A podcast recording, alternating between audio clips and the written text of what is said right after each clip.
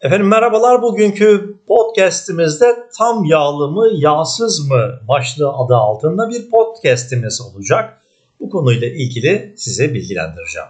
Bu iki beyazdan hangisi sağlığa daha faydalı? 1950'li yıllarda vücut geliştirmecilerin protein içeren besin destekleri konusunda seçenekleri çok azdı ve birçoğunun tadı berbattı. Sindirilmesi de zordu.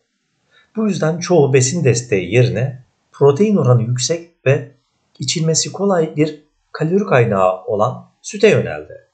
Günümüzde süt eski popülerliğini kaybetmiş olsa da hala genç vücut geliştirmecilerin kilo almasına yardımcı olan kaynaklardan biri.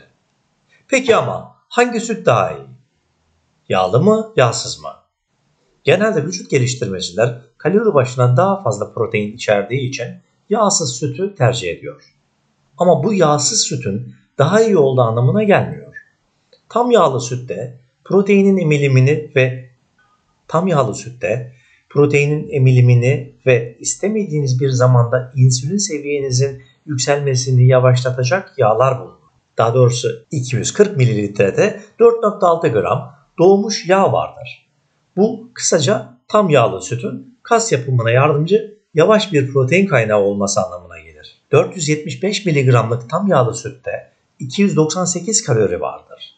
470 mg tam yağlı ve yağsız sütteki kalori miktarını söyleyeyim. Tam yağlıda 298 kalori varken yağsız sütte 167 kalori var. Tam yağlıda 15.4 protein varken yağsız sütte 16.5 protein var. Bunlar gramaj cinsinden. Tam yağlı sütte 23.4 gram karbonhidrat varken yağsız sütte 24.3 gram karbonhidrat var. Tam yağlı sütte 15.9 gram yağ varken yağsız sütte 0.4 gram yağ bulunmakta. Burada kazanan tam yağlı. Antrenmandan hemen öncesi ve sonrası haricinde günün herhangi bir saati tüketilebilir. Büyük ihtimalle sütü yüksek protein ve kalori miktarı yüzünden tüketiyorsunuzdur.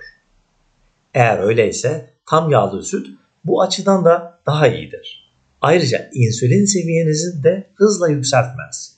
Ama yağsız süt antrenman sonrası için idealdir. İçerisinde çok az yağ vardır ve protein ve şekerden gelen karbonhidrat yani laktoz oranı da tam yağlı süte yakındır.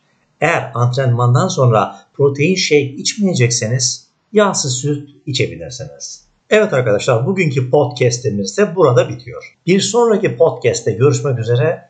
Sağlıcakla kalın.